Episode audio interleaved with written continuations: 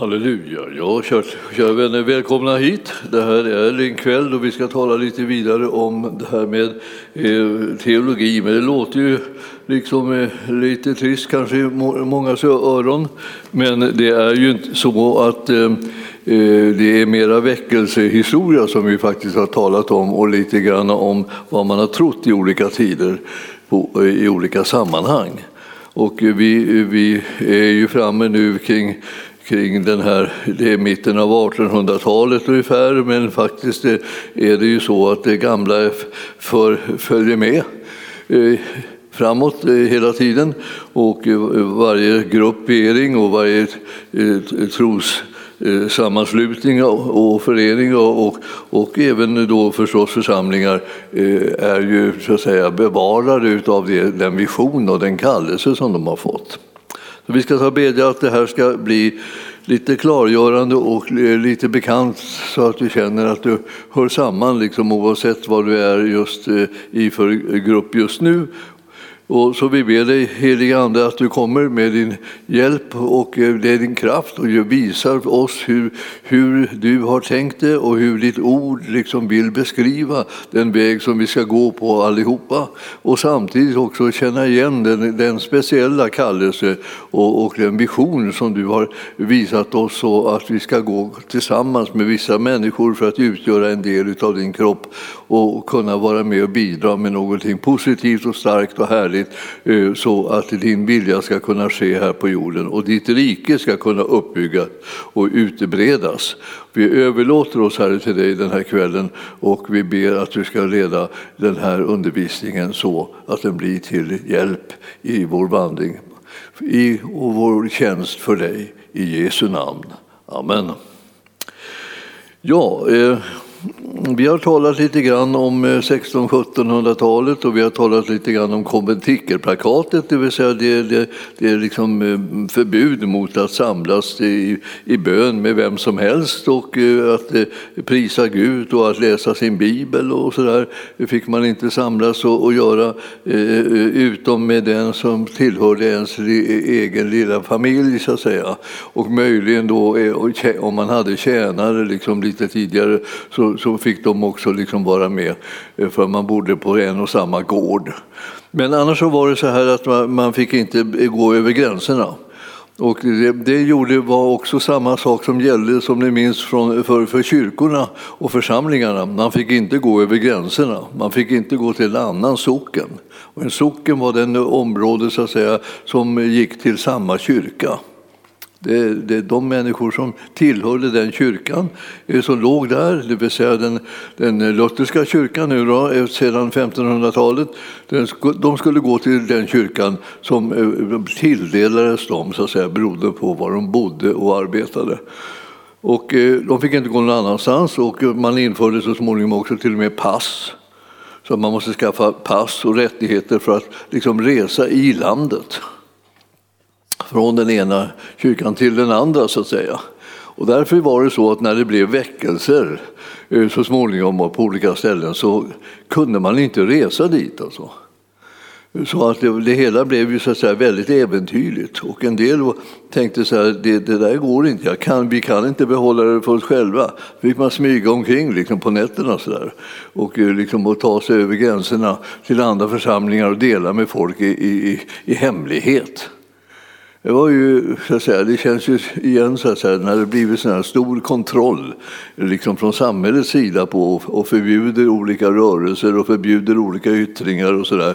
Och så, så, eh, så kommer det att eh, vara en återspegling av vad man höll på med ganska tidigt, 1600-talet. Då satte man igång liksom med full fart liksom, och eh, all kraft inom, inom lutherska kyrkan för att liksom se till att inte den spårade ur. Då. För det är man ganska ny nyligen liksom fått en ny lära liksom, och lämnat den katolska och blivit lutheraner. Alla i, i hela Europa gjorde, tog inte det steget, utan många tog andra steg in i andra typer av, av strömningar och undervisningar.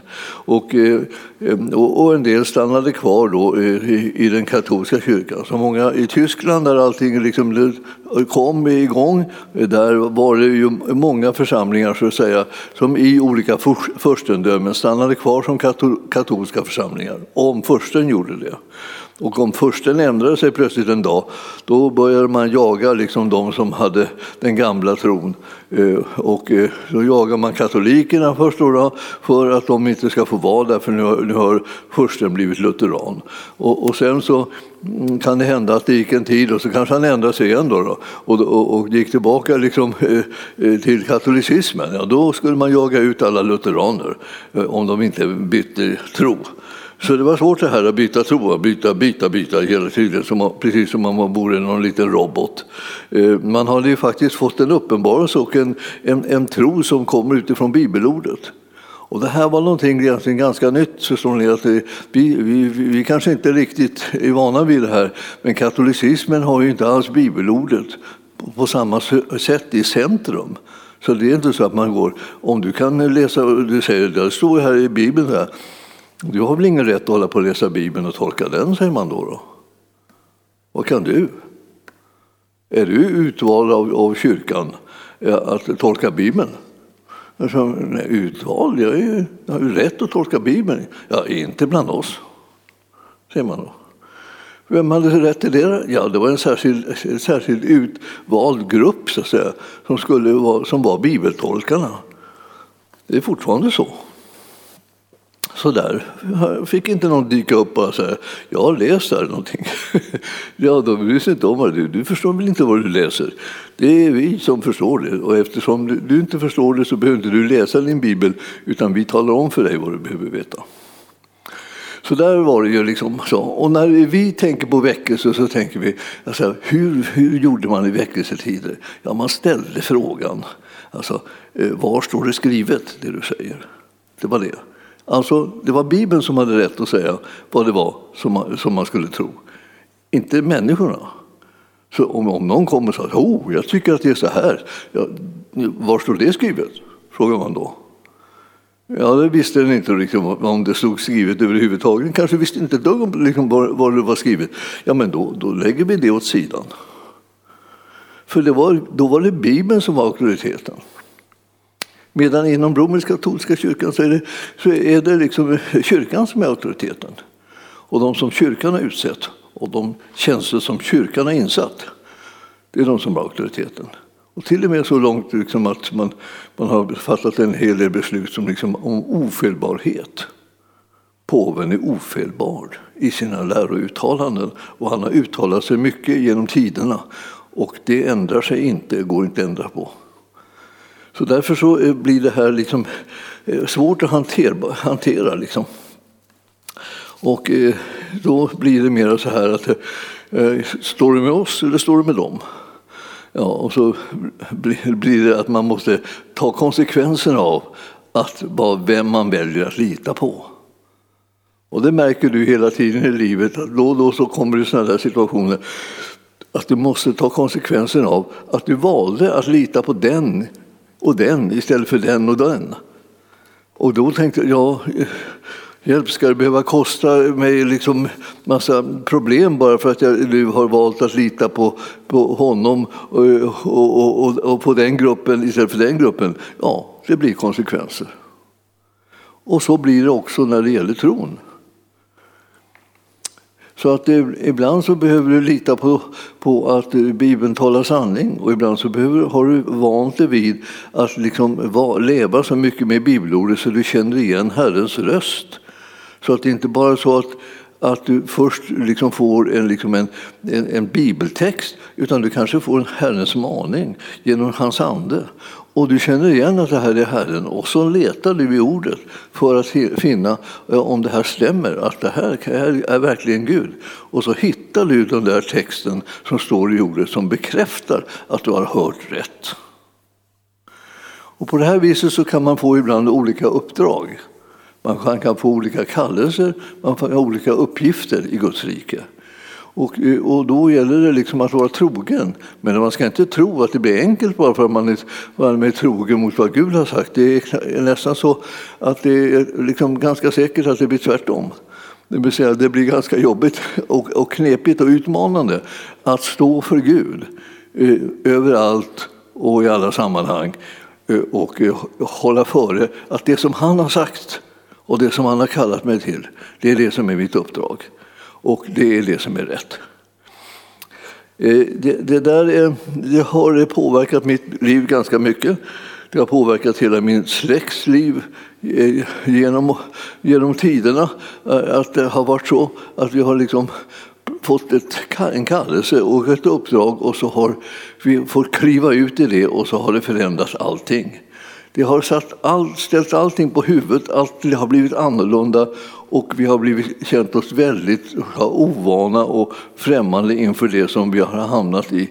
Och så småningom så börjar vi känna att det här är ju Herren och därför går vi frimodigt ut i det. Kosta vad det kosta vill. Alltså.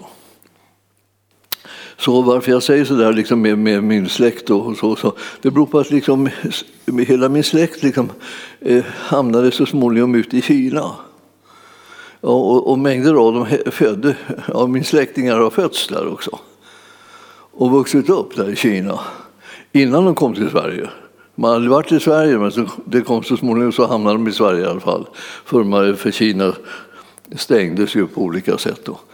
Och, eh, så, eh, så att den sista liksom, av min släkt liksom, flydde eh, på 1950-talet, precis alltså i början av 1950-talet, under Maos liksom, rensningar.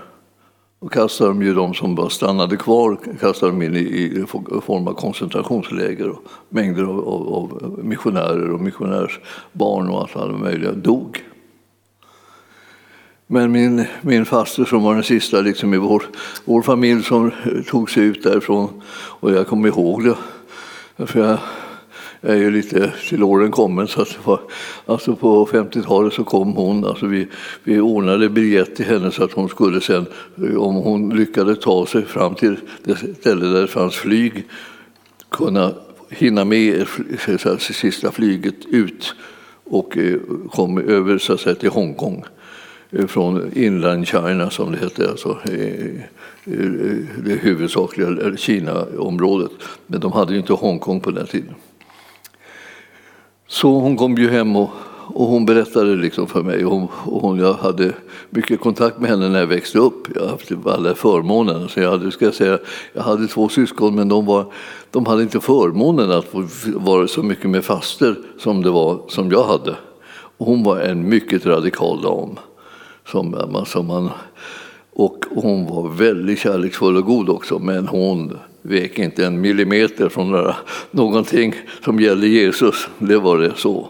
Och hon gick igenom vad som helst, hon hade bara bestämt sig för det. Det kostade henne jättemycket. Det kostade hennes, hennes äktenskap, det vill säga hon, fick, hon blev inte gift bara av den anledningen att hon hade förlorat ena armen och eh, när hon förlorade ena armen så ville inte hennes fästman gifta sig med henne, för han ville inte gifta sig med en handikappad människa. Och det, det var ju obehagligt, men det var ju skönt att veta det i förväg. Då, då. Eh, men i alla fall så blev hon, så blev hon ensamstående då hela livet. Då. Och hon skulle ju ut i missionen. Och så ville inte missionen sända ut henne, för de ville inte sända ut en handikappad. Så där stod hon här i Sverige var som klippt och skuren för att vara missionär i Kina. Ingen missionsorganisation vill sända ut henne. Hon kunde språket, hon kände kulturen. Hon kände till liksom det område som hon kunde verka genom, där hon hade vuxit upp själv. Hon kände människor i, i Kina. Hon hade alla goda förutsättningar för att, liksom, att kunna göra någon nytta där. Alltså. Men de stirrade sig blinda liksom på, eller ja, inte blinda, men de stirrade på den armen som inte syntes. Det var bara av här, så att säga, strax nedanför armbågen. Hon hade en attrapp här som hon gick omkring och bar på, som var tung som bly. Och obehagligt att bära och gav mycket smärtor. Eh, så jag minns henne på det sättet att jag ibland såg när hon tog på den här eh, liksom armen. Då som man gjorde av någon slags tung plast eller ja, möjligt, någon, någon gipsgrej eller vad det var. Tung var den, som, alltså, som bly, där jag fick känna på den. Liksom, så här. Jag stod där med fastets arm i, i handen så här. Och så, satt, och så satte hon på den med remmar och grejer och drog åt det så den skulle sitta där. Så hade den liksom alldeles fel färg också. Så den var liksom mörk, mörk så här, eh, och hon var ganska vit. Liksom, så att hon hade en, en sida som var mörk och en som var vit. Det gjorde väl ingenting egentligen, men det såg ju inte särskilt smidigt ut liksom, på något sätt. Alltså, man skulle välja liksom vilken, vilken färg det skulle vara, men de hade tydligen bara en typ av färg, så de tog, gav den, då fick de den. Också. Men den där armen då, liksom, den, den hindrar henne från då att få, få bli utsänd i Kina. Liksom. Och jag talar ju ofta om henne och det beror på att jag älskar henne. Alltså. Hon, var, hon var en verkligt fantastisk människa som, som var så hängiven Jesus att det, eh, har jag aldrig kunnat komma undan liksom, att, hon, att hon var på det viset. Fantastiskt var hon alltså. Och hon vågade vad som helst för Herren. Och samtidigt så var hon inte liksom aggressiv av sig eller så där på något vis, utan hon var alltid glad och alltid, alltid snäll och god. Så här, men, men hon vek aldrig en, ett dugg liksom från sin tro på Jesus. Det som Herren har sagt till henne, det gjorde hon alltså. Och det här var så, så att det, jag, jag märkte det att det fanns ett liv där som var så attraktivt. Alltså.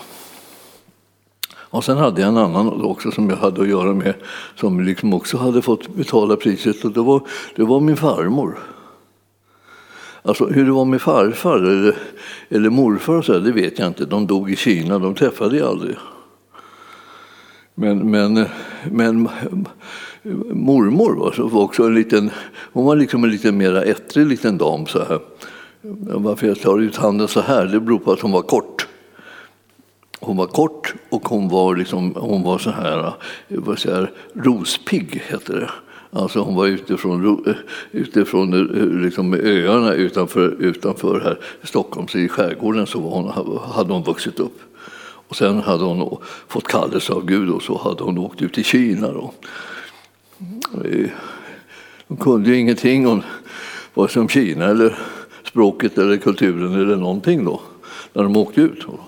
Så farmor hon satt i Norge liksom och var liksom klen och, och satt med filtar. Så här i ton, som tonåring satt med filtar och långa, stora, breda hattar och så här. Och, och och tålde inte någonting att det blåste eller så. Alla sprang och dit och, och, och liksom eh, grejade med henne hela tiden. Oh, vi ska akta så inte det drar nu på lilla Dagny. Hon hette Dagny då. Det här drar på henne så att hon inte klarar av. Men så gick hon på skola hos Fredrik Fransson som var, som var en sån här eh, globetrotter, missionär liksom och evangelist och så, som hade åkt omkring här i Sverige och, och drogs inför rätta stup i ett bara därför att han stod och förkunnade liksom evangelium, det fick man inte göra och, det var, och han var liksom på 1800-talets mitt då var det fortfarande liksom konventikelplakatet som gällde då, inte 58 till 58 på 1800-talet. Så att eh, då, då åkte man inför domstol sol. Men han brukade ju klara sig därifrån rätt mycket, även om det var ett himla, himla farande fram och tillbaka liksom inför de där domstolarna. Så fort han hade predikat så kom de eh, till hög honom och så åkte han inför domstol. Det, det, är tröttsamt att bli dragen inför domstol och inför rätta när man bara ska vill prata om Jesus och följa honom. Men det, det, det gjorde han och han höll på hela tiden på det här viset. Alltså. Och när, när han, det här började jag tänka, skulle man inte tröttna liksom på att det hela tiden blir, alla bråkar med för jämnan för att man vill följa Jesus och göra hans vilja? Ja, alltså det är inte så lätt att tröttna på det här. Ja, man tröttnar på deras beteende, men man, tycker, men man ändrar sig inte.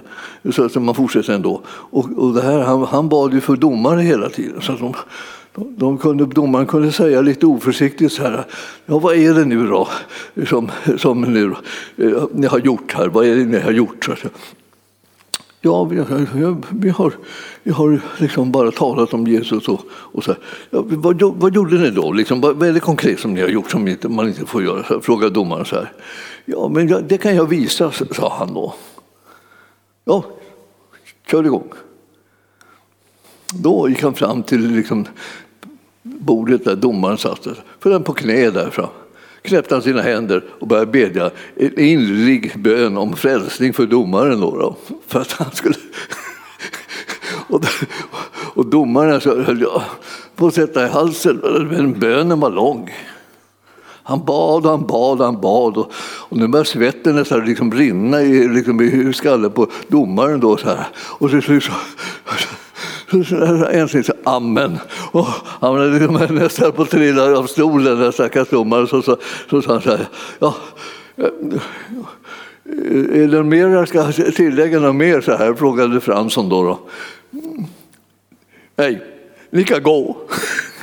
Han var, han var helt riktigt skakad av pressen som han fick på sig. Om ni någonsin har märkt när Herren kommer med liksom ett tryck så här liksom på en så kan, så kan ni förstå vad det kan innebära när en sån här eh, eldfängd eh, evangelist ber så det knakar. Liksom, och där sitter domaren och undrar hur kommer jag hamna i den här situationen? Jag skulle, nu är det bara han som satt i kläm istället för den som stod för detta. Liksom. Ja, ja så, så där kan det vara. Då. Eh, det här, eh, den här Fredrik Fransson alltså, han hade missionsskolor för att sända ut massor med missionärer. Jag tror att det var, målet var visst tusen missionärer till, till Kina eftersom så jättemycket folk dör i Kina varje år utan att ha hört talas om Jesus. Och det hade Hudson Taylor talat om för Fransson och han sa, vill du vara med och samla människor som kan åka ut till missionen och så? Jaha, det ville Fransson. Och så han hade då bibelskola för missionärer. Och Bibelskolan för missionärer, det var, det var liksom en härlig bibelskola. Alltså, det var, där, där blev de så tända så att de bara stod nästan och stampade. När åker vi? När åker vi? Liksom, de ville åka. Eh, och mängder med, med folk här från Sverige och Norge och Finland och tror jag, jag vet inte hur det var med Danmark, men möjligen Danmark också för han var ju liksom allomfattande. Han åkte ju runt i hela världen och, liksom, och, och försökte värva missionärer liksom, till Kina. Och de åkte ut och därför, därför hamnade då min, min släkt där ute och därför blev, blev mina fastrar och farbröder och, och min pappa och min mamma och, och, och, och moster och, och alla, allihopa liksom, ja, de blev ju födda där och, och, liksom, och de som var i vuxen ålder på 1800-talets mitt här och därefter, de åkte ut som missionärer. Så att vi hade hela gänget hade var ute där för att betala det där priset och det var inte enkelt. Det var massor med rövaröverfall och, och massor med hot och, och, saker. Och de flydde hit och de flydde dit liksom för att komma undan de här attackerna som var. Man anföll städerna liksom och, och, och, och rövade folk och, liksom och slog ihjäl dem och hade sig. Och när det blev riktiga hatkampanjer så här som det var under boxarupproret i början på 1900-talet så kostade det mycket att vara eh, missionär. Och många hann inte vara missionär särskilt mycket. Och det är där jag liksom har skakat mig ibland när jag tänkt på det. Eh, alltså, de, de, de åkte ut och var ju kanske 18, 19, 20-årsåldern, åkte de ut i missionen. Alltså unga män och kvinnor så att säga. Och eh, kom ut precis då i tiden för boxarupproret. Och boxarupproret var alltså ett uppror där man hatade utlänningar. Man skulle bara döda och driva ut alla utlänningar. Så man jagade dem. Liksom. De vita jävlarna kallar man dem, utlänningarna som kom. Och innan de egentligen hade liksom sätta ner sina fötter knappt, så här, var precis kommit in i, i landet och skulle iväg till sin ställe, missionsstation där de skulle vara, eh, så, så blev de gripna och röv, bortrövade och, och försvann. En del vet ju man fortfarande inte vart de tog vägen. Alltså det var helt enkelt okänt. Man slog ihjäl dem och, och, eller man sålde dem eller vad det kunde vara för någonting som man skulle kunna tänka sig som, som var lönsamt om vi säger så. Och, eh, och eh, jag läste lite grann om deras vittnesmål. Man berättade om att de hade kommit ut och att de försvann ut i öknarna och eh, ut i bergen och, och sådär. Och man tänker vilket fasansfullt liv de fick liksom, och kort. Men, men de hade valt att, att liksom, gå på det som Jesus hade kallat dem. Och jag, jag tror inte de hade, hade fel i det. Utan jag tror att de, att, de, att de gjorde rätt. Men jag tror att det var många andra som gjorde fel. De som eh, tog sig rätten att liksom, eh, fånga dem och döda dem och göra sådana saker. Alltid var, varit martyrer för den kristna tron. Ibland tycker vi att vi får problem. Det, jag, jag menar, det, det är inte det är inte jämförbart med vad, vilka problem som man har varit villig att, att liksom acceptera på ett sätt liksom, och riskera att man hamnar i. Eh, eh, tidigare i, i missionen under, under alla tider så har det varit så, vart man än liksom skulle föra det budskapet om Jesus så har priset egentligen varit högt.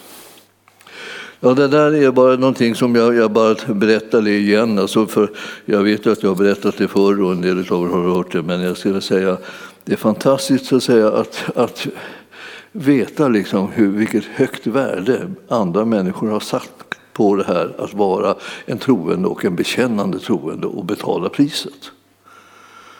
Min faster kom i alla fall iväg så småningom till Kina då, liksom genom att det, det dök upp enskilda människor och ville stödja henne och hjälpa henne så hon skulle få ihop till en biljett och åka ut. Så hon åkte ut då och då var hon, stöddes hon inte av någon organisation eller sådär. Men det var vanligt i vår familj att man liksom levde liksom i, i tro. Så jag hade fler som liksom gjorde det, levde i tro bara. Lämnade sina arbeten och levde liksom i tro. Och, eh, och när Herren manar till det så gör man det. Och så, så, men de har blivit väldiga exempel för mig. Jag har liksom haft så mycket välsignelse av att, så att det, finns, det finns en bönhörande Gud. Det finns en försörjande Gud också som man behöver lära känna. Det, det, är, det är ingen liten sträcka så där som man tar, man bara pang, pang, kom, nu fixar det sig. Utan det, är, det är en vandring med Herren, så de har lärt känna honom så, så att man tror honom om att han är den han säger att han är. Det är lätt att säga den lilla frasen, men det är en helt annan sak att säga. Att vara så övertygad om det i sitt inre så man vågar liksom lägga ner sitt liv på det, det är en helt annan sak. Alltså.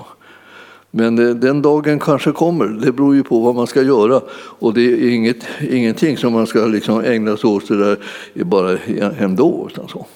Nu är det så här att eh, så där levde en del då. Och en del levde så att de var helt enkelt i organiserade kyrkor eh, över hela världen. Och den stora kyrkan som har varit, och den fortfarande den största kyrkan, Eh, om man får säga så, organisationen i alla fall, eh, är ju romersk-katolska kyrkan. Och, och den känner ju man till i hela världen och det är liksom en stor maktfaktor på olika sätt. Eh, jag, jag ska inte säga att de är så våldsamt mycket maktfaktor rent andligt sett, men, men liksom, som organisation alltså, och, och som eh, kraftigt eh, liksom, påverkande är, är de det. Och den, den, är ju liksom, så att säga den, den, den, den största religionen som finns i världen är den romersk-katolska kyrkan. Och så tänker jag, ja, men, ja, vi märker inte så mycket av den. Nej, det gör vi inte. Och där den ibland fram, framträder så liksom framträder en väldigt sympatisk dräkt. Liksom. Man, är, liksom, man är mild och eh, vänlig och sådär. Men läran som man har är inte liksom en, en bibelcentrerad lära utan det är en kyrkocentrerad lära. Det vill säga kyrkan är liksom frälsningsstället och inte, eh, inte, inte inte nödvändigtvis Jesus eller själva skriften som är tryggheten eller, eller som man litar på. Och därför så, så um, nu vid det här laget, vi kommer ju från att ha varit ett katolskt land i flera hundra år. Så det bröts ju först på 1500-talet. Då. Men Sverige kristnades ju med Ansgars första besök på 800-talet efter Kristus. Så det har varit katolskt, katolskt, katolskt. Och sen på 1500-talet blev det lutherskt av jättemycket makt och ekonomiska skäl.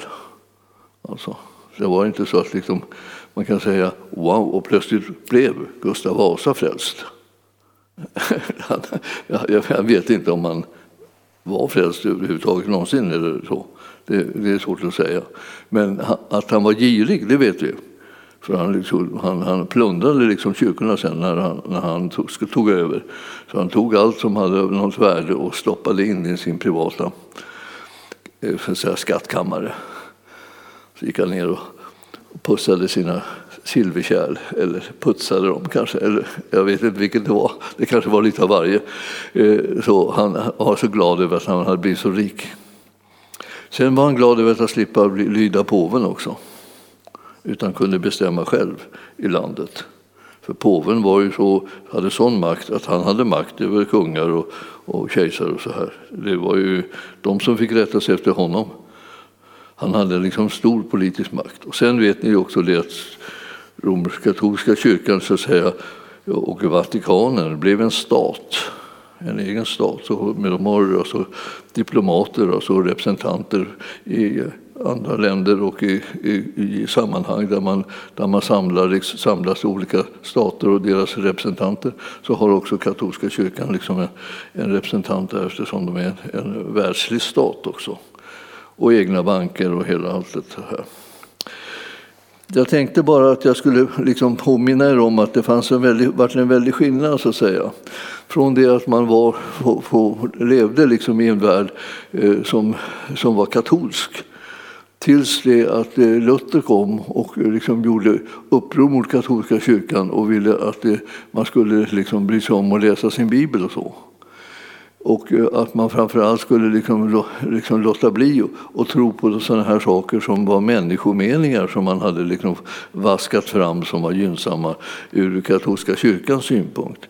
Och han, han, av, han avskydde avlatssystemet. Det var ett sätt att liksom att låtsas att man kunde köpa sig fri från tider liksom i, i skärselden som var en reningseld som man trodde kom efter döden och som man kanske skulle kunna bli fri från eller förkorta tiden där om man bara köpte liksom ett litet brev som det stod att man fick kortare tid och så fick man köpa det dyrt och så fick, så fick katolska kyrkan pengarna. Så det var ju liksom en, en sån där, Luther tyckte det var det värsta och så kom de just till hans stad där han var, var både munk och, och professor liksom, och undervisade i universitetet. Och han blev rasande över det där och, liksom, och gav sig på det. Och det där var en helig ko för hela liksom, kyrkan, för det var ju pengarna som de behövde. Liksom. Och, och visst, kyrkor behöver pengar precis som alla andra, men de höll ju på med ett fantastiskt bygge, nämligen skulle bygga Peterskyrkan. Och Peterskyrkan är ingen liten småsak om ni har varit där någon gång. Har ni inte varit där så, är det ing, så kan vi säga, då kan ni se det på kort istället. Det är nästan att föredra, men jag har liksom var där vid, vid tillfälle och, och, och, eh, och gick, tittade i, i de här enorma kyrkbyggnaderna alltså, liksom där det, där det liksom ligger kyrksalar liksom ihopbyggda liksom, åt alla håll och kanter. Så här. kunde pågå alla möjliga liksom, gudstjänster och, och saker i de här olika sakerna samtidigt, då, liksom, fast det var i, i den stora. Och så har man ett jätte, liksom, likt liksom, centrum liksom, i, mitt i, i kyrkan där, där man hade då gudstjänster då, när man skulle nå alla. Och hela världens liksom, olika typer av biskopar, kardinaler och präster och så här samlas. Alltså, det blir ju fullt alltså, med folk. Alltså. Och nästan bara alla är liksom bara proffs. Det vill säga de är, liksom, de är anställda och de lever liksom av och i kyrkan.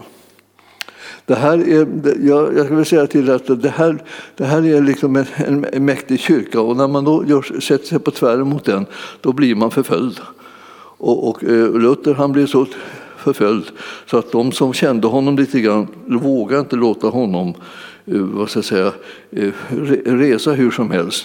Utan till slut när han hade varit på en, på en riksdag Ehm, och talat om att han, att han inte tänkte böja sig för påven och eh, för kejsaren vad de tyckte. Så, eh, eh, så slog, slog hans vänner till han skulle få åka hem, men då, han var ju, hade fri lejd som det hette, det vill säga att han, man fick inte skada honom eller på något sätt eh, gripa honom eller göra någonting med honom när han reste till riksdagen och inte heller på hemresan. Det var liksom förbjudet. Det hade, det hade kejsaren liksom lyst ut och så skulle det vara. Men de, de här vännerna till honom kände på sig att det här vågar de inte lita på. Så att eh, de la sig i bakhåll när han var på väg hem ifrån den här riksdagen och hade gjort sig ovän med allihopa.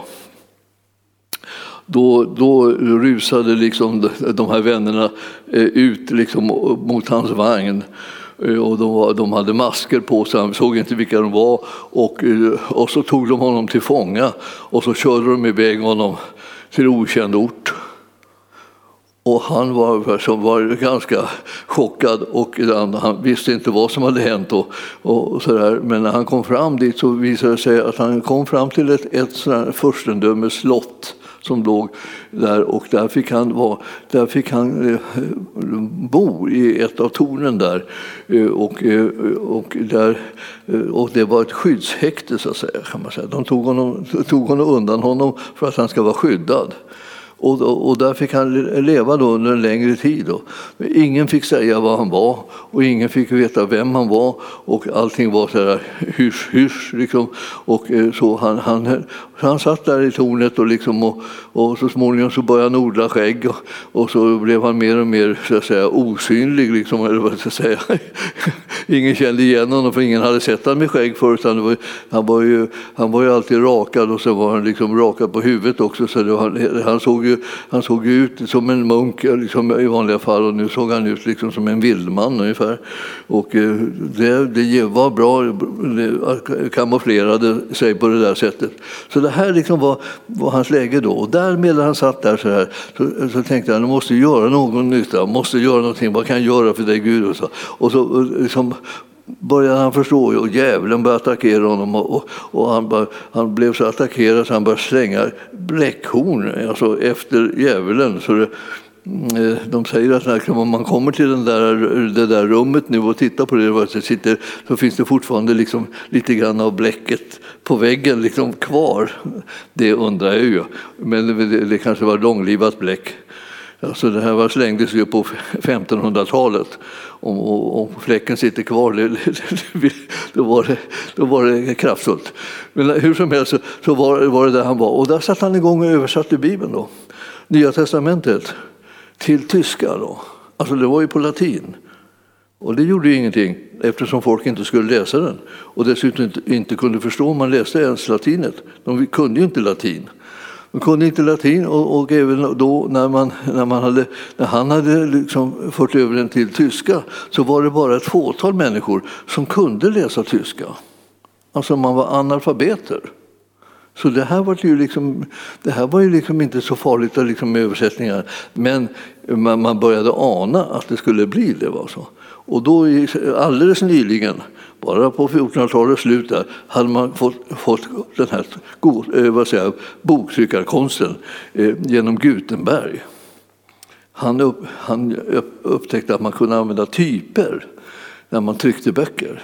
Istället för att man måste sitta och skära böckerna i träskivor och sen bara en enda träskiva och sen var den och sen körde man den då liksom i pressen och så fick man fram ett blad nu då. och sen var det så var den så att säga, färdig. Då, och, så. och så måste man skära en ny. Liksom och, så. och nu kunde man byta typerna och skriva ord och så tryckte man. Och det blev en helt annan produktion av böcker.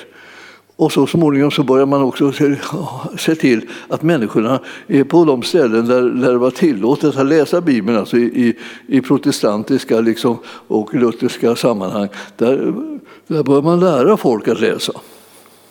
Så att man, det blev alltid någon eller några som kunde läsa. Då kunde de läsa högt för de andra. Och så, och så gjorde man också när det gäller sånger. Då. För man började sjunga sånger för att sjunga in sångerna i folket. Och då satt, eh, folk hade ju suttit på krogarna och, och, eh, och supit och sjungit sånger och skrålat och haft sig. Så då kom man ju på det som Frälsningsarmén sen gjorde också, nämligen att man tog melodierna och så satte man då bara eh, en kristen text. Då. Och den texten var liksom en undervisande text om tron och gudsordet och vad det betydde och, och hur djävulen var besegrad och alltihopa det här. Och det skrev man liksom i de här sångerna och så sjöng man dem. Folk sjöng med därför att de hade, kunde ju melodierna. Så att de, det blev ju liksom en, eh, ett sätt att liksom förmedla till varenda en liksom de här eh, innehållet i evangeliet. Så, så fick folk sjunga in det. Liksom. Så det, han nådde ut till folk på ett sätt som katolska kyrkan liksom aldrig hade försökt och inte önskade heller. De önskade inte att de skulle få veta någonting om det här. Och, och, och eftersom de inte hade läst sina biblar visste de ju inte vad som stod i dem. Och de visste bara det som man hade sagt från katolskt håll. Och där berättade man mest helgonberättelser, liksom, sådana här fantasi, fanta, fantastiska liksom, eh, händelser liksom, där folk gjorde under av olika, olika slag och så, som, inte, som mer var så, så här uppbyggliga. Eh, det var tänkt liksom, att folk skulle tycka att allt detta som händer här liksom, inom, inom kyrkan det, det är fantastiskt och underbart och så. Men eh, det här var, blev början till liksom eh, en, en, stor konflikt. Och, och som ni känner till, liksom, när ni har läst i historia, så var det någonting som bröt in som bara vi kallar för 30-åriga kriget. Alltså, eh, det var, det var, det var ju från eh, man, fram till mm, var det 1648 va? var det nog freden, tror jag, på det 30-åriga kriget. Och eh, där, i det där kriget då stupade ju vår Gustav II Adolf liksom, vid Lützen, det brukar alla komma ihåg. Eh, och eh, 1632 så stöp han där och det, han var ju en väldig förkämpe för, för, för den lutherska läran och deras stora härförare i, i, i Europa. Så det var, det, var, det var en väldig katastrof att han liksom dog, tyckte man då på lutherskt håll. Men efter, efter ett tag så, där så började det stabilisera sig med de olika eh, furstendömena och en del var så lutherska och en del andra var, var, var liksom katolska. Och sen var det en del andra liksom, eh, här reformatorer också som dök upp. Liksom. Och, eh, eh, en hette Zwingli och en hette Calvin. Och, och, eh, och det var liksom reformerta liksom, representanter. Alltså de, de hade liksom en liten annan uppfattning. Och Calvin han hade kommit från Frankrike. Han hette ju inte Calvin, han hette väl Calvin, antar jag.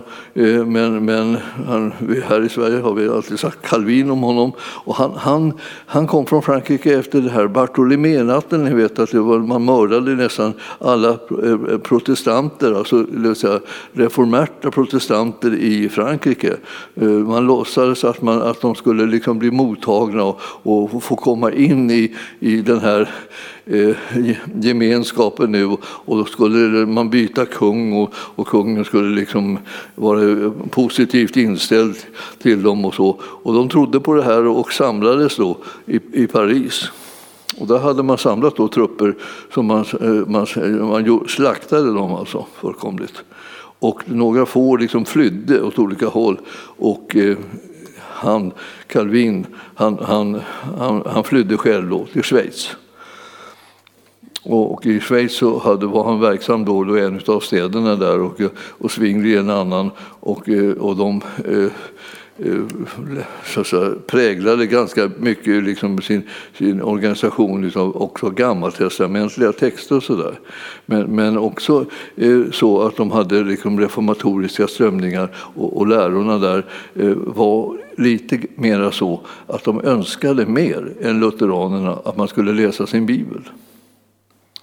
Så de reformerta grupperna gjorde det. Och det är liksom det här, man kan säga att det, det, reformerta grupperna är de som mer har präglat liksom frikyrkligheten i vårt land än, än lutheranerna. Lutheranerna har ju varit statskyrkligheten och som har liksom stått emot väckelse och stått emot liksom att, man, att man skulle, eh, gemene man skulle kunna göra vad som helst. De som skulle göra andliga ting det var prästerna och inga andra.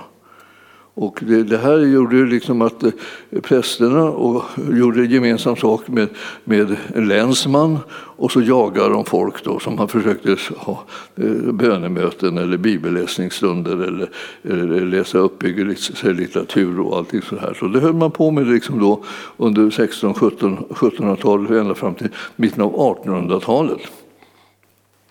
Och då var liksom det här förbudet mot att eh, samlas i bön det kallas ju att ha sådana samlingar, vi kallar det för, för, för hemgrupper eller bönemöten eller sådär, men då kallar man för konventikel. Konventikel var ett, liksom ett bönemöte och ett uppbyggelsemöte i hemmen. Man samlade flera människor som kom samman i något hem, någon som hade en lite större eh, lokal eller större rum någonstans eller ett stort kök eller något sånt. Och där samlades man då till det här. Och då fick man akta sig så att inte liksom kyrkoherden eller, eller länsman fick reda på att man, att man var där. För då blev det liksom allvarligt. Då kom de dit och grep folk och så blev det liksom eh, svårigheter för de som hade varit med. På, på eh, 1600-talets slut och in på 1700-talet så började det bli så att man tyckte att den lutherska kyrkan, liksom, som hade varit en väckelsekyrka liksom, kyrka, liksom, eh, när Luther höll på, eh, hade börjat bli stelnad och blev som en statskyrkorepresentant mera så här, som, som, som, skulle upprätthålla lagar och jaga folk och så. Och eh, då, då började man tänka sig folk började längta efter frihet och andlig frihet och andligt liv och så. Och då kom det en man som hette Spener, jag har pratat lite grann om honom, men jag, jag tänkte jag skulle säga några ord liksom om vad, vad det var han ville att man skulle kunna få göra. Han skrev ut, lämnade ut en bok, eller skrev en bok som hette Pia Desideria som, eh, som jag har nämnt. Men det, det var så länge sedan nu så nu, det kommer inte ihåg det. Det betyder fromma, fromma önskningar, det där ordet Pia Desideria. Och det var så att man, vad det var man drömde om skulle kunna bli verklighet. Han skrev en hel bok om det. Och, eh, och han, var, alltså, han var lutheran och, och, eh, och, eh, och, eh, även lite öppen för, för den här reformerta delen som kom genom Calvin. Då. Och då finns det några, några punkter så där som han hade och som han la ut sen i sin bok. Då. Och det första som var som han ville att man skulle göra för att få liksom ett bättre andligt liv, det var ökat bibelstudium. Alltså nu när vi är inne liksom på eh, 1600-talets slut och början på 1700-talet så, så, ökar ju det här med, eh, med att, man går i, att det finns skolgång också fler och fler. Alltså. Även om man inte hade liksom obligatorisk skolgång, kom inte för mitten av 1800-talet. Men, men, men man hade ändå så att det fanns skolgång och man utbildade ju folk för att de skulle kunna eh, bli präster och jurister och lite sådana här saker. Och då behövde de kunna läsa. Så, eh, så de som var lite, lite begåvade så här fick möjlighet att lära sig att läsa. Och, eh, och så, på det viset kunde man använda dem också bland de, bland de fromma för att kunna läsa läsa skrifterna för dem och så att folk fick höra vad som egentligen stod i Bibeln. Så ökat bibelstudium ville han då. Och den andra punkten var att man skulle utöva det allmänna prästadömet, det vill säga eh, alla liksom är, är kungar och präster som vi säger. Det var det som man hade, man hade läst det då, så man visste det. Så eh, alla är vi präster. Alla de troende är präster. Och det, det, det, är klart att just i församlingen så är det inte praktiskt att alla är det så att säga, på en gång och alla, och alla ska försöka stänga sig i predikstolen liksom, kan man säga. Det, det, det, är inte det man menar, utan det är bara man menar att alla har så att säga, möjlighet att bli kallad och eh, så att bli präst eller, eller pastor eller ledare liksom i, i en församling eller för ett studium och så. Det beror på vem Gud kallar. Det ligger inget hinder liksom, att vissa får han inte kalla. Och eh, det som var självklart att man inte fick kalla liksom på den tiden och länge, långt in eh, i våra liv nu också, det var ju eh, kvinnor. Sen fick ju inte barn heller liksom, naturligtvis kallas till vad som helst. Utan man hade, man hade massa sådana där hinder. Men, men så småningom så, så blev det ju så att det allmänna prästadömet, man började fatta att det, det riktade sig ju liksom om till alla troende. Eh, och eh, så det fanns ju både eh, unga och gamla, både män och kvinnor som kom, räknades in bland dem som kunde bli kallade utav Gud att göra även sådana här förkunnaruppgifter. Då och, eh, och att döpa folk och, och att eh, eh, ha nattvardsgångar och sådana här saker blev så småningom sådana riktiga brytningsfrågor där man väldigt bråkade, massa bråkade om det där och, och var rädd om att, att det skulle liksom kunna bli fel på något vis. Men han, han hade det här med i sin bok. då. Och sen säger, vill han också så här som tredje punkt att eh, den kristna livsföringen, alltså hade man en levande tro så skulle det leda till goda gärningar menar han. Man fick inte vara liksom hur, hur tölpig och hemsk och lögnaktig och bedräglig som helst utan då, då hade man nog ingen levande tro eftersom man liksom hade så dålig, sånt dåligt vittnesbörd genom sitt liv. Så han menade att det skulle hänga ihop på något vis. Och, och det, det, låter ju liksom rimligt att, det, att man åtminstone skulle vara på väg att förvandlas eller förändras och inte vara precis som en hedning. Och sen, eh, så, den fjärde punkten var att man skulle ha tolerans mot olika oliktänkande så att säga. Eh, och religionsstrider var förkastliga. Det vill säga man, man ska sluta upp och förfölja varandra. Och det, det var ju en ny, nyhet då för, för alla, för man hade ju förföljt varandra för gratta livet. Alla, alla förföljde alla. Liksom. Det var bara liksom, hela, hela Europa var liksom riktigt bara en krigszon. Så det var gräsligt hur det var. 1600-talet var en fasansfull historia.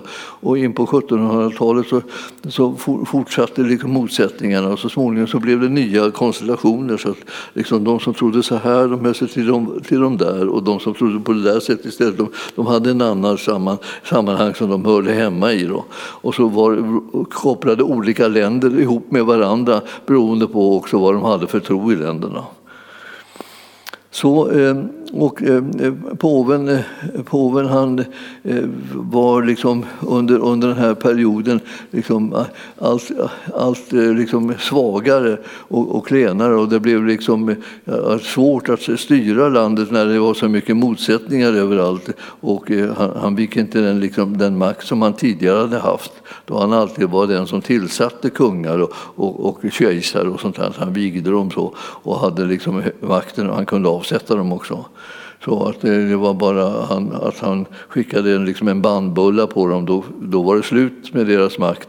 Då fick de inte det land som de, som de regerade i eh, eh göra affärer längre med andra länder. Han förbjöd det bara. Och då vågade inte länderna säga nej, utan då, då, då, då, då, då frös de ut den, den som hade liksom gjort uppror så mot påven. Och det var en katastrof för hela landet, så där ville man inte hamna heller. Så man, man fastnade ju hos påven, det var, det var inte riktigt vad de här härskarna var, tyckte om. Och, eh, eh, så att det här, eh, det här nu att tolerans mot andra, det var liksom ett sätt att liksom få slut på krigen. Det var ju så, hade, människor led ju så hemskt. De här stora arméerna åt ju upp allting också när de gick fram som vandrade genom rikena så här och krigade och jagade varandra då, liksom på något sätt. De kunde inte gå liksom samma, som jag sagt förut, kunde inte gå samma väg. Liksom. Man kunde inte gå efter dem som man ville kriga med, för där fanns ingen mat, för de hade redan ätit upp all mat när de gick fram.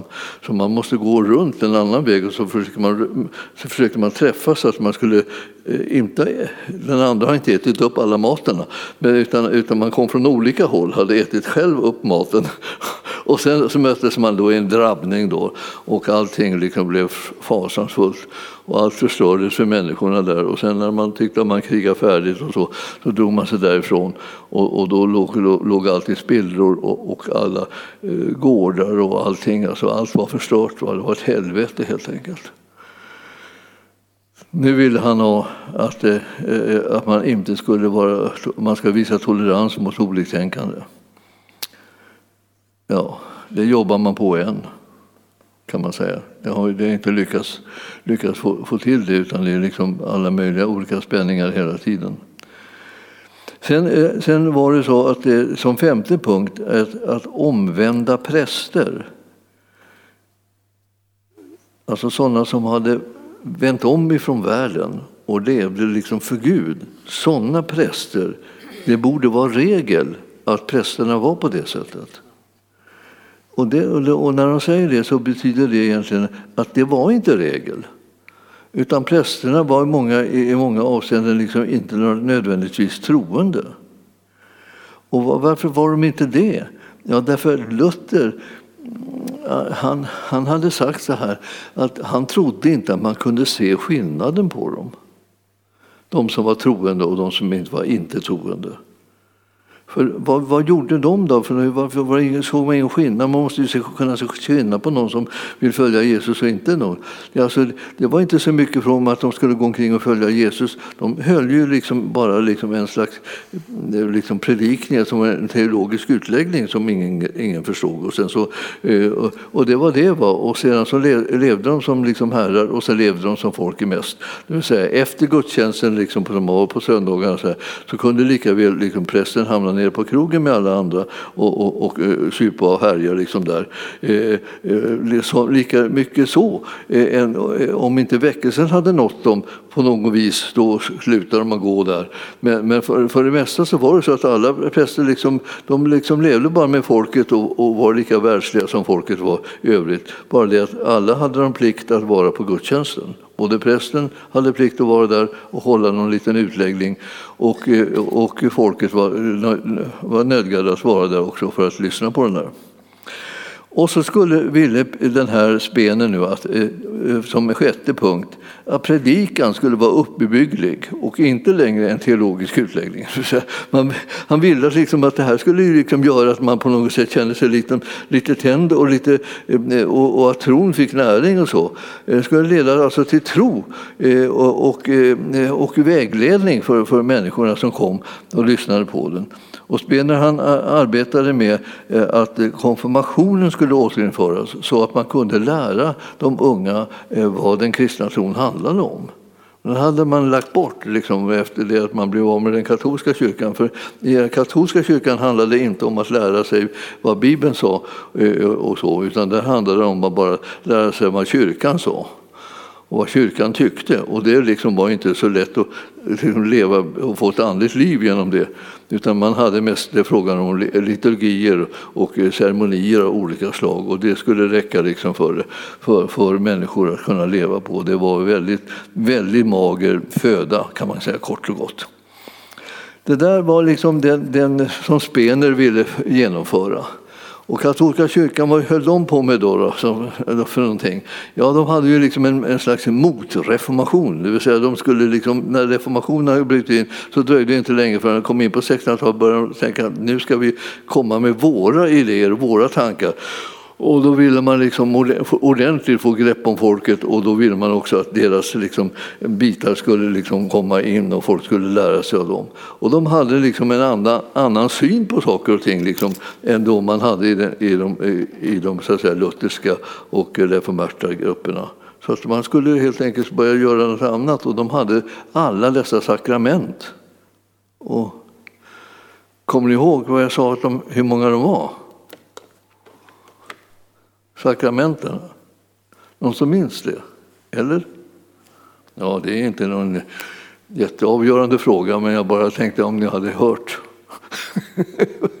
De är sju. Mm. Sakrament då, det betyder helig handling. Sakra betyder helig och ment betyder handling eller ja, mentum om det står separat. Alltså. Sju sakrament.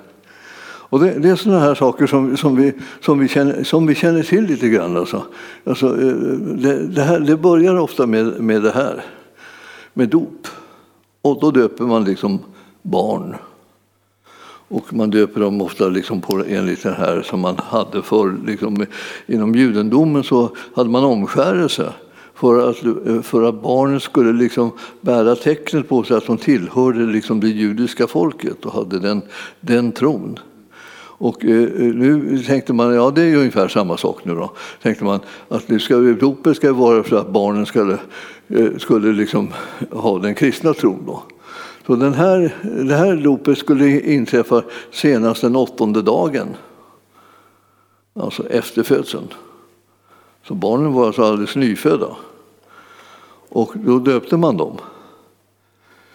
Och, eh, eh, och då var det så att det, det, som gjorde att det blev ett dop det berodde på att det var en präst som var rätt vigd inom den katolska kyrkan. För någon annan präst erkände man inte eh, då, utan den andra prästen fanns inte. Det var bara de som kyrkan hade utsett som fanns. Så det var inte något allmänna prästadöme, så där. det var ju inte att tänka på.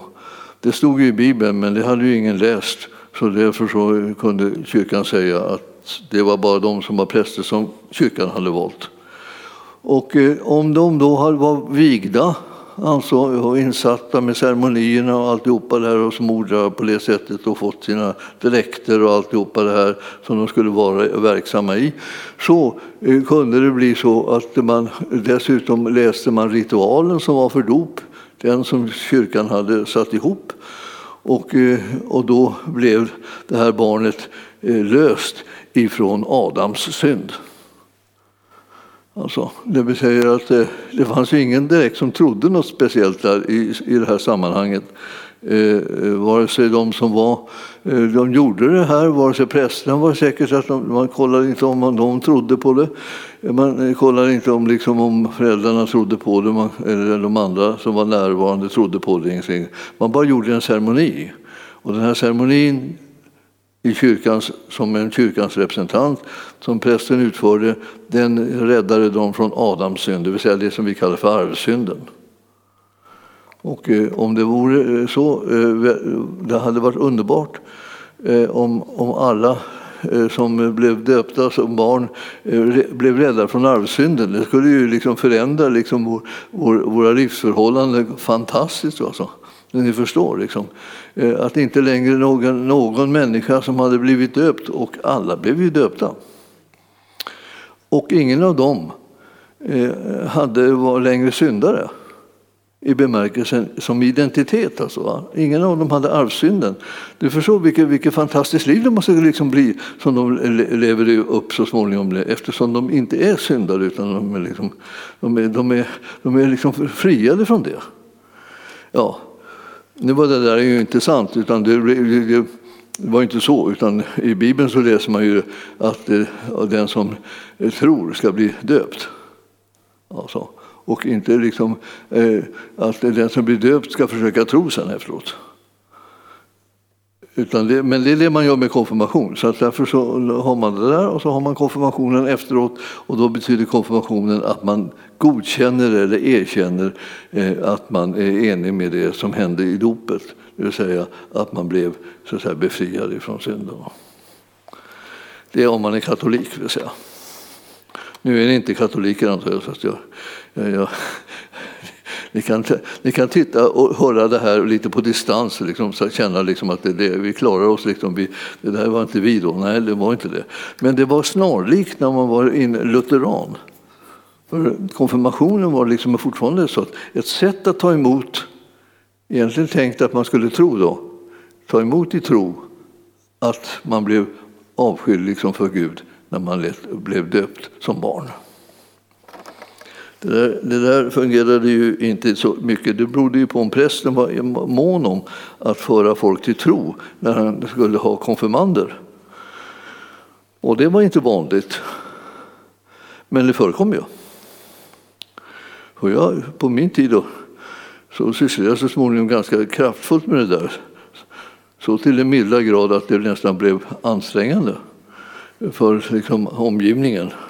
För de ville inte liksom, att det skulle bli så där. De ville bara ha en ceremoni. Och föräldrarna ville liksom att, att man bara att man döpte för att man ville att barnen skulle få ett namn. Men man får ett namn ändå förstås. Men det, men det var i alla fall det som var det. Så tyckte man att det var liksom gulligt eller trevligt eller sådär. Och sen så, eh, när man konfirmerades då, då ville ju konfirmanderna ha en moped eller någonting. Eh, alltså de, de, de, eller någon annan gåva ville de ha för att de, om de konfirmerades. Det var liksom sådana där faktorer som spelade roll. Man hade ju jättestora sådana här konfirmandgrupper alltså på, på min tid. Då. Det var så, där, så, så gick det till. Då, då, Men konfirmationen var liksom ett, en, en grej som hängde egentligen ihop med dopet. Så det var liksom en slags fortsättning. Alltså.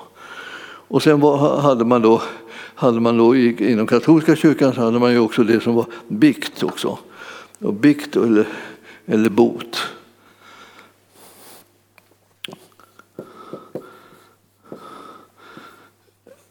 Det är botets sakrament. Alltså. Det vill säga, man biktade sig, eller man, eller man gjorde bot, man erkände synder och så fick man förlåtelse som kallas för avlösning av prästen. Då. Och man behövde gå i bikten för allvarligare synder. Då. Små synder så där kunde man nämna själv, liksom, så var det tänkt. Så här, så här, eh, och sen, sen var det ju eh, vigningar, kan man säga. Var prästvigningar, men det var också äktenskapet, det var också en vigning till äktenskap och så. Som, eh, eh, och vigningar in i olika tjänster så där, som, som ansågs också vara ett sakrament. Och så fanns det, liksom, eh, förutom det här förstås, den, den viktigaste av alla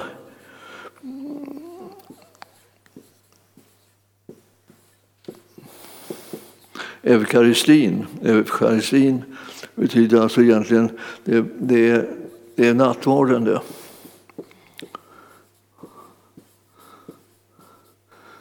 Och det betyder liksom tacksägelse där, liksom på något sätt. Det, där, det, är det betyder att man, man, eh, man firar nattvard. Och nattvarden kunde liksom bara då anordnas av en präst som var vigd, på rätt sätt. Då, då. Så att I katolska kyrkan var det ju ingen, ingen diskussion om den här saken. Men, men, men eh, den här, jag skriver konfirmation också här. De, där, de där två hörde ihop. Så det var, det var liksom egentligen, ska se vilka har mer. Och så var det något som kallas för den, för den, den, den eh, sista smörjelsen också.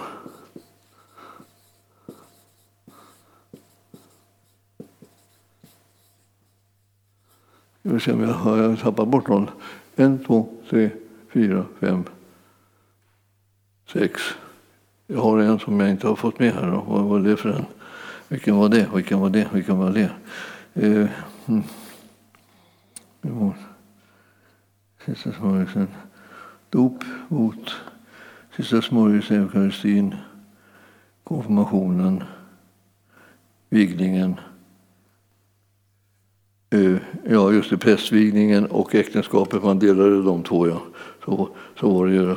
Alltså eh, vigningarna vigningen var först prästvigningen, så att säga. den här var en, och så var det en som, som handlade om äktenskapet. Då.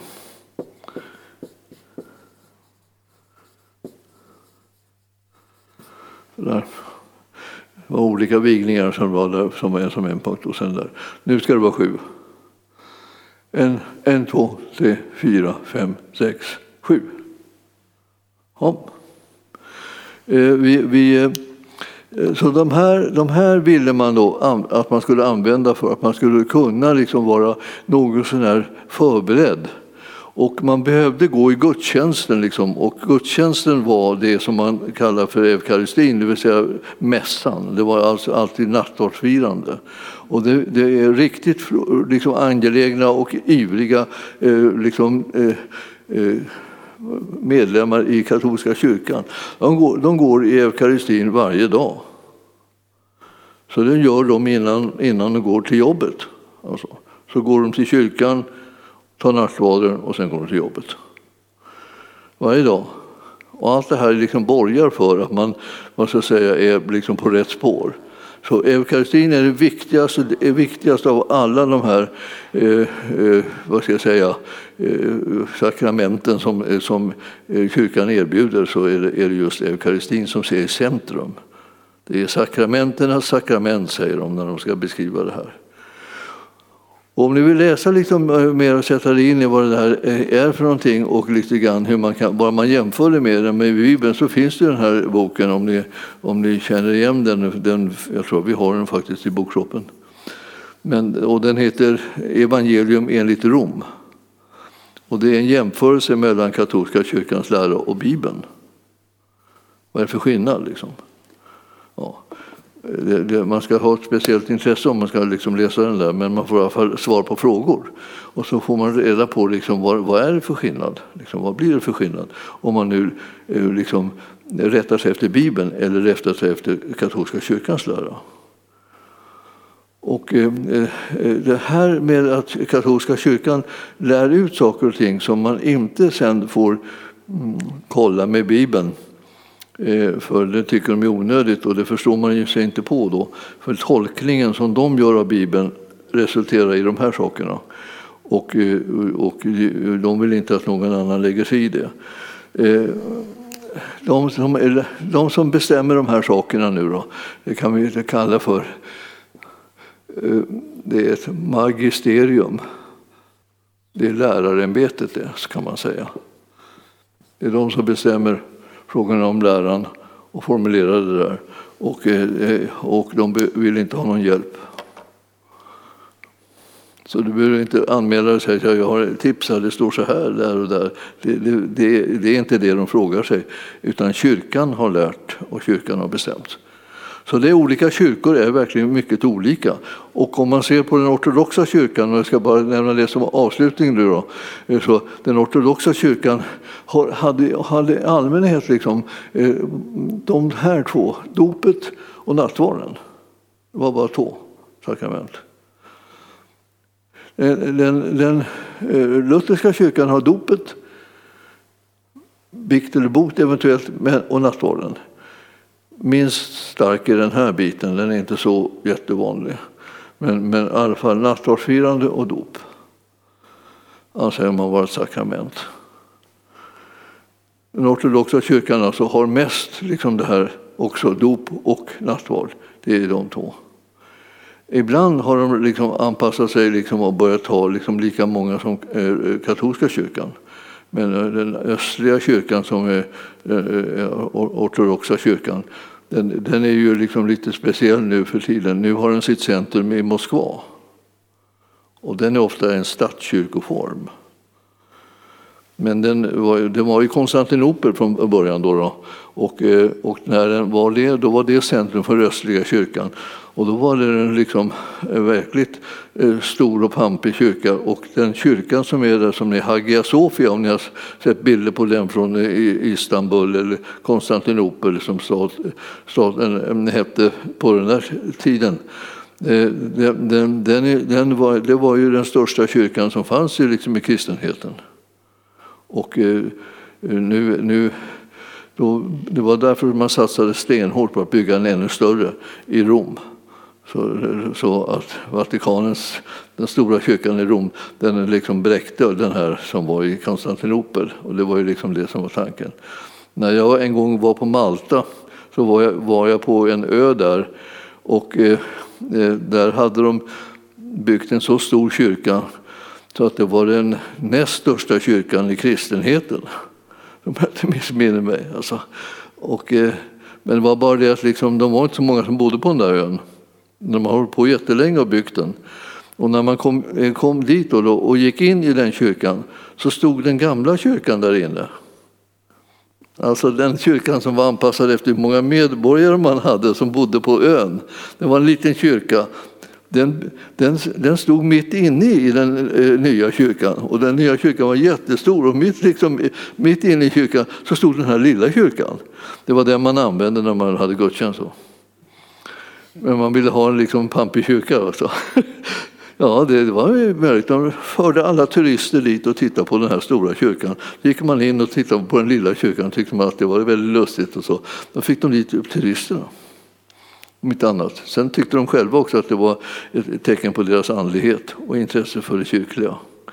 Men ni förstår, kyrkbyggen ska ju vara helst så att man har någon användning av dem. Men, men det, här, det här var ju eh, liksom en, en, en sån här ytterlighet som kom liksom på många sätt där man liksom när kyrkan började dela sig i olika öst och väst och, och så, där, så började man tävla med varandra och då skulle man liksom visa sig som den verkliga kyrkan och den sanna kyrkan och den frommaste kyrkan och den bästa kyrkan och allt vad det var. Alla sådana här saker tävlade man i och det, då, då var man ju ganska långt borta från det som egentligen saken gällde. Men nu, nu har ni fått lite bakgrund liksom kring det här med den kyrka som så säga, man lämnade när man, under reformationen. Det här ville man liksom lägga bakom sig, men man tog inte bort allting. Och oss, vi här i, i, i Sverige hade ju alldeles för många ritual och grejer som vi hade kvar. Och vi hade många liksom altarskåp och sådana här saker som var från katolsk tid. Och vi hade skrudar och grejer fortfarande. Jag klädde mig i olika skrudar i olika färger och så här. Och kyrkoår och, och allt, allt det här hade vi väldigt liksom markant som gick långt utöver varenda, varenda helgdag, varenda söndag liksom var, var beskriven som en viss söndag med ett visst tema och uh, vissa bestämda texter som man skulle predika över. Man fick inte välja själv. Men när man kommer in på det reformerta området så väljer ju predikanten själv vad han vill predika över, vilken text han behöver, vill predika över. Men det gjorde man aldrig som Luthers präst, utan det var ålagd att predika över den texten och den texten. Var det på morgonen så var det den texten, var det på kvällen så var det den här texten. Så, för varje dag så fanns det två texter som man skulle välja på, beroende på om man hade förmiddagsgudstjänst eller aftonsång, som det hette. Och det, det var det. Och, och, och, det här liksom fick, hade man med sig liksom på något sätt som en... Eh, därför att inom katolska kyrkan så predikar man ju huvudsakligen på, på, på eh, latin då. Ända fram till, eh, ja, det måste ju varit här på 1900-talet, eh, ganska långt in på 1900-talet så höll man på fortfarande med och predikade på latin, hade en liten betraktelse på latin. Ingen förstod den, men alla var där i alla fall och lyssnade på den. Och då hade man, inte någon, man hade liksom inget behov av att folk förstod den direkt. Utan det var bara det att man, man sa några ord, bara kort, kort, kort. Sådär. Det var naturligtvis idealiskt att, att predika kort. Det har jag inte gjort nu, märker jag när jag tittar på klockan. Men jag avslutar det här med detta. Och så får vi se när vi återkommer, det blir, blir som nästa termin. Då. Tack ska ni ha för den här stunden.